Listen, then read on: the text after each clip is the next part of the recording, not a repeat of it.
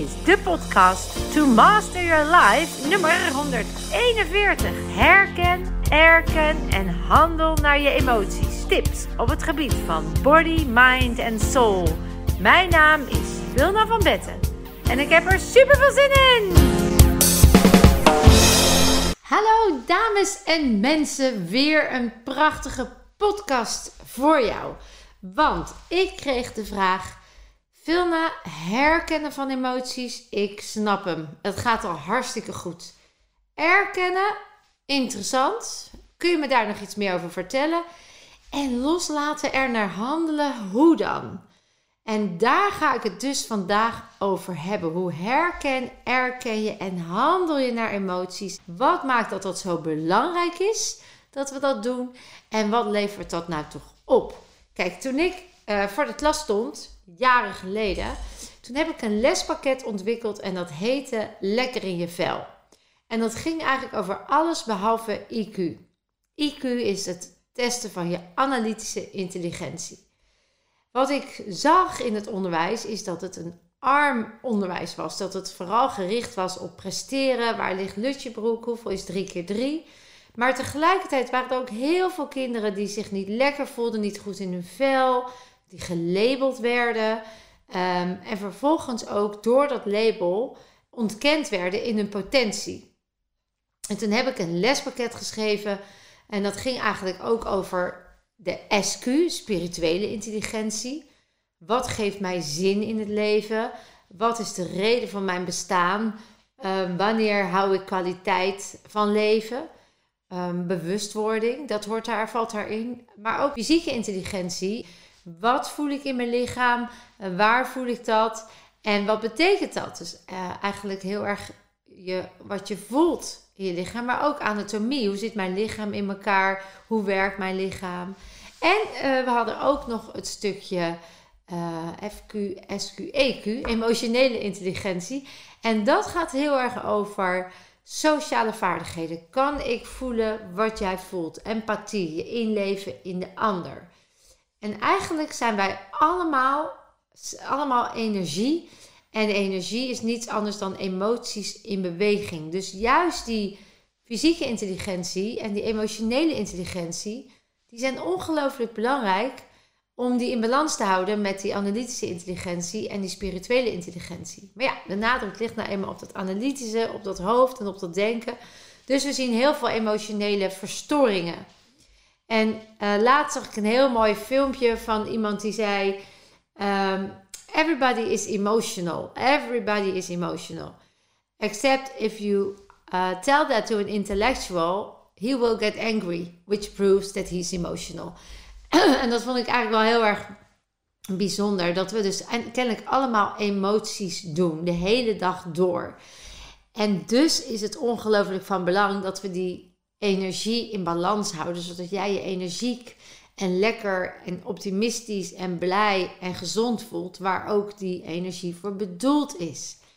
Dus dat emoties een effect hebben, als we dat dus niet doen en we onderdrukken ze en we stoppen ze weg en we herkennen ze niet en we erkennen ze niet en we handelen er niet naar. Ja, sooner or later, vroeg of laat, kom je dan op een punt dat je eigenlijk of in een burn-out of in een depressie of in een midlife of is dit het nou of echt wel ook fysieke ongemakken en zelfs klachten en of ziekte krijgt. Dat gezegd hebbende is dus het belang van het herkennen en erkennen en handelen naar een emotie ongelooflijk belangrijk. Eigenlijk en dat vertel ik ook vaak in mijn events, zijn emoties al eeuwen oud en verweven in ons hele taalgebruik. Ik heb een knoop in mijn maag, een brok in mijn keel. Het valt me zwaar op de maag. Ik trek de haren uit mijn hoofd. Ik heb wat op mijn lever. Hè? Dus kortom, heel veel. Ik, ik, ik scheid zeven kleuren van angst. Um, heel veel fysieke reacties op emoties zitten al in ons taalgebruik. Kennelijk is dat zo gewoon geworden dat we ons niet meer bewust zijn van de betekenissen van dat taalgebruik. En dat taalgebruik, dat is al eeuwen oud. Net als deze theorie dat alles energie is en alles een emotie is. En we dus ook die emotionele, dat emotionele domein zo ongelooflijk veel aandacht moeten geven. En in de oertijd was er ook veel meer een balans tussen sympathicus en parasympathicus. Je had zeg maar het gaan, uh, handelen, het op jacht gaan, zorgen dat je veilig was. Maar ook de contemplatie, het in de, in de rots of bij het vuur tot rust komen, uh, ontladen, ademhalen, zorgen dat je weer vrij raakt van wat je hebt meegemaakt op die dag. Ja, en bij ons zien we eigenlijk alleen maar gaan, gaan, gaan, gaan, gaan. En dan zitten we zo in ons hoofd en zo in onze ja, sympathicus, dat we eigenlijk niet meer bewust zijn van wat we voelen en waar we het voelen in het lichaam. En in de Body Mind Reset en in mijn Live Master programma is dat heel erg de focus. Dus dat zelfbewustzijn en dat lichaamsbewustzijn vergroten, zodat je voelt waar iets opgeslagen ligt in je lichaam of waar je een emotie doet. En dan kun je er vervolgens inderdaad, zoals de natuur bedoeld heeft, ook naar handelen.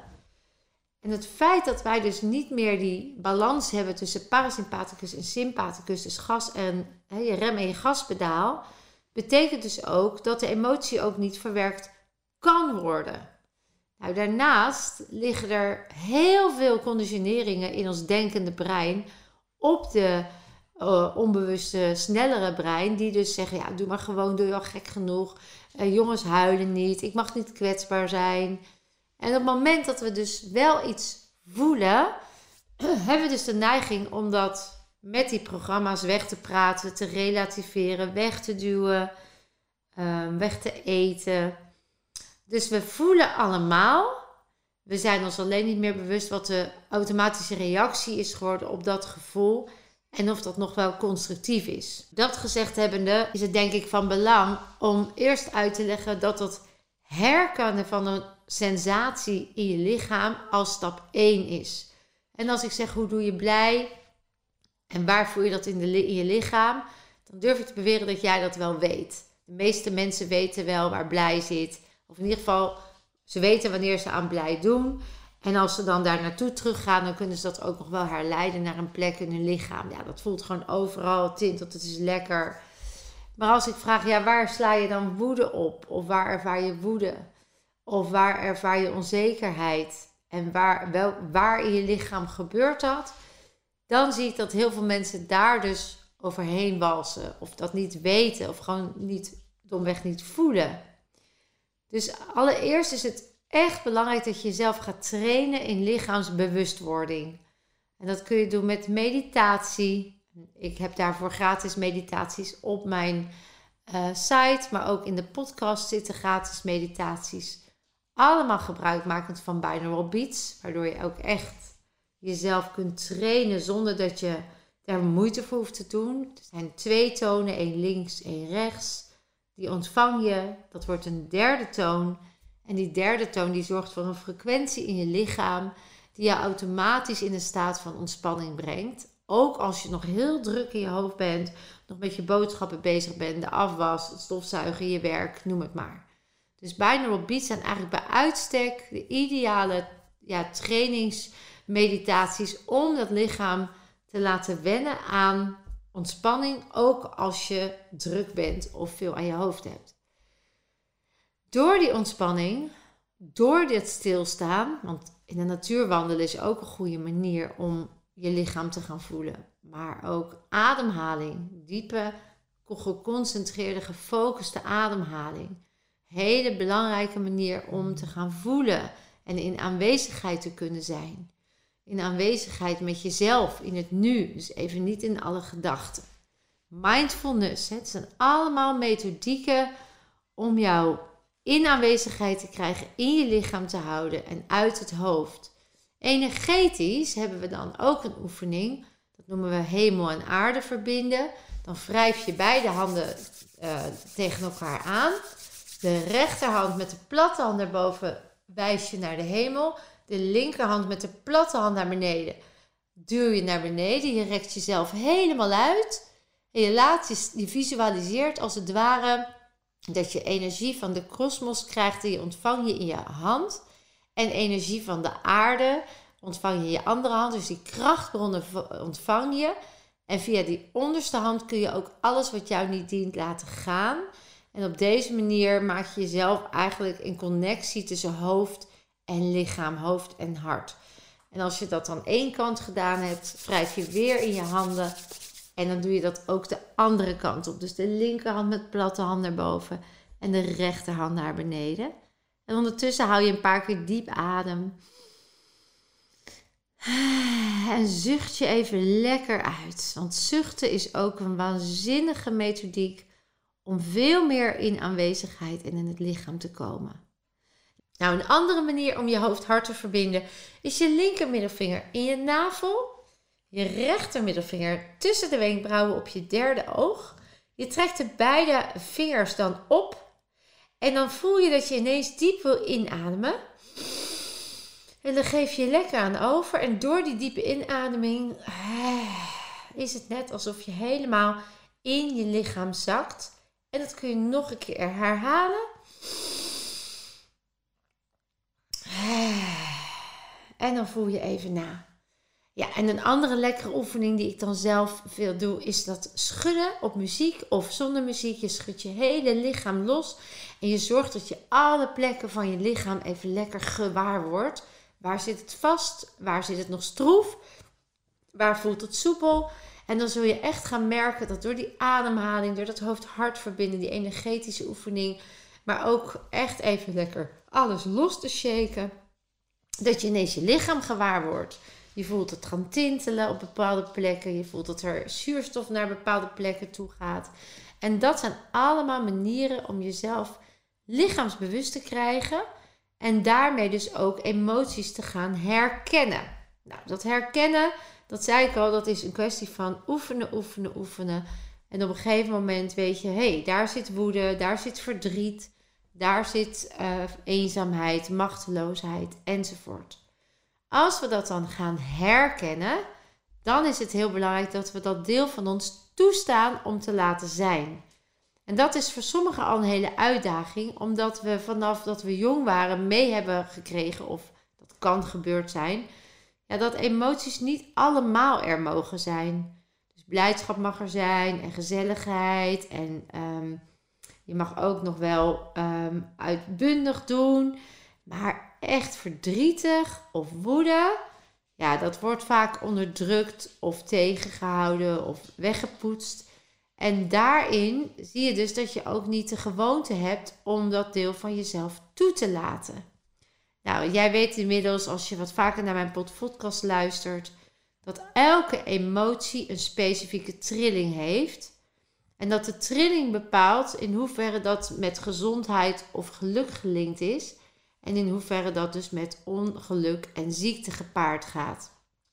En als je emoties die een lage trilling hebben, lager dan het nulpunt, dan is het de bedoeling dat het lichaam die opruimt. Daar zijn je organen voor en je energiebanen.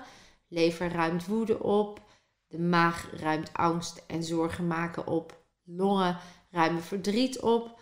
Darmen ruimen uh, onveiligheid, onzekerheid, machteloosheid. En dus is het echt van belang dat we die emoties ook toelaten alsof dat ook net als blijheid helemaal oké is. En dat doe je door dus ook te zeggen: ik voel me nu onveilig of ik voel me nu verdrietig en het is oké. Dus waar dat vroeger als niet oké tegen je uh, duidelijk is gemaakt, doordat het gezegd is, doordat je dat aanvoelde, dat je het niet durfde omdat iemand dan boos kon worden, ga je dat nu dus heel bewust tegen jezelf zeggen. Ik sta dat deel van mij toe wat vroeger niet mocht huilen, mocht kwetsbaar zijn, moeder mocht doen. En nu is het helemaal oké. Dat kun je nog stimuleren door je handen en je voeten intuïtief te kruisen. En met het feit dat je het kruist, doorbreek je het energieveld waar die oude lading mogelijk nog op ligt, waarom je niet aan die emotie mocht doen. Dus door je handen en voeten te kruisen en dan vervolgens met je ogen van links naar rechts heen en weer te bewegen. En je zegt hardop: Ik sta mezelf toe om de emotie te doen. Ik sta mezelf toe om aan woede te doen, om aan verdriet te doen, om aan eenzaamheid te doen. Dan eigenlijk erken je dan dat deel van jezelf wat er toen niet kon of mocht zijn. En als je dat dan erkend hebt, dus het mag er zijn van jezelf, en hoe vaker je dat doet, hoe gewoner dat weer wordt, hoe makkelijker dat gaat, ja, dan zal ook de emotie, de trilling, niet meer blijven hangen als een lage trilling. En een trilling duurt 20 tot 90 seconden, mits jij het vasthoudt of er heel veel aandacht aan geeft, dan blijft die daar hangen. Maar als je dus dan uh, die emotie laat toestaat en vervolgens schud je je even los of je schreeuwt het even uit of je uh, laat even je tranen lopen, dan is dat eigenlijk precies de ontlading van het lichaam die zorgt dat die emotie verwerkt is. Dat is het ernaar handelen, dus het toelaten van die emotie. En dan kan het natuurlijk zijn dat er soms situaties zijn waarin dat dan toch niet zo makkelijk gaat. Je zit in een vergadering. Het is nog, hè, je wil dan toch nog dat programmaatje. Ik ga niet laten zien dat ik kwetsbaar ben, die komt op. Dus toch onderdruk je hem weer even. Of ehm, ja, je, je bent in een situatie waarin je even niet het idee hebt dat het nu om jouw emotie gaat. Het is niet gepast. Dan nog mag je dus de herkennen en erkennen. En dan kun je bijvoorbeeld s'avonds als je op bed ligt, weer even daar naartoe gaan om alsnog die emotie te verwerken. Dat kan dus zijn, dat kan je oproepen door weer terug naar die situatie te gaan en weer even te representeren hoe je dat hebt ervaren en die emotie weer even helemaal te voelen. Om vervolgens alsnog toe te staan en los te laten en hem te uiten. Dat kan je ook doen door heel diep een paar keer goed in en uit te ademen en die ademhaling gewoon te brengen in je lichaam, daar waar emoties nog vastzitten. Om ook daar dus het los te kunnen laten. Maar je kunt ook, wat ik zei, even dat, die schudoefening doen. Hè? Dus echt alles even losschudden. Waardoor eventuele vastgehouden emoties lekker los kunnen gaan stromen. Ja, en daarnaast zijn er nog heel veel andere manieren om emoties nog te verwerken. Maar voor nu denk ik dat je echt al heel veel tools hebt om er in ieder geval te herkennen, erkennen en ernaar te handelen. Nou, mocht dat steeds meer eigen worden. Dat lichaamsbewustzijn, uh, de emoties gaan herkennen op de plekken, maar ook het toestaan en het toelaten, het omarmen van jouw kleine jongere ik, of het deel wat er niet mocht zijn. Dan is er naar handelen ook op een gegeven moment het toelaten, het laten stromen en de vaardigheden leren om het vaker te doen. Dus goed te worden en master te worden in emoties doen. En daarin kun je gewoon jezelf trainen. Hè? Onze training gaat daar bijvoorbeeld over de Life Master Week. Daar gaat eigenlijk alleen maar over het trainen van je, ja, van je gevoelens. Hoe doe ik gevoelens? Hoe herken, erken en handel ik ernaar? Wat ligt er nog vast in mijn lichaam en hoe herken ik dat? Hoe erken ik dat? En hoe handel ik ernaar? En zo word je eigenlijk master of your life, omdat je jezelf in diepste wezen leert kennen oude emoties kunt opruimen en resetten. En nieuwe emoties heb je vaardigheden voor om uh, die toe te laten en weer los te laten. Dus wie weet is het voor jou wel het momentum, nu je deze podcast hoort, om ook eens naar zo'n prachtige week te gaan en jezelf te gunnen, jezelf te bevrijden van alles wat er mogelijk nog vastzit in je lichaam en de vaardigheden eigen te maken, om dat in de toekomst ook zelf te kunnen. Hoe het ook zij, ik hoop dat je geïnspireerd bent geweest door deze prachtige podcast. En je weet het, je kunt meer dan je denkt.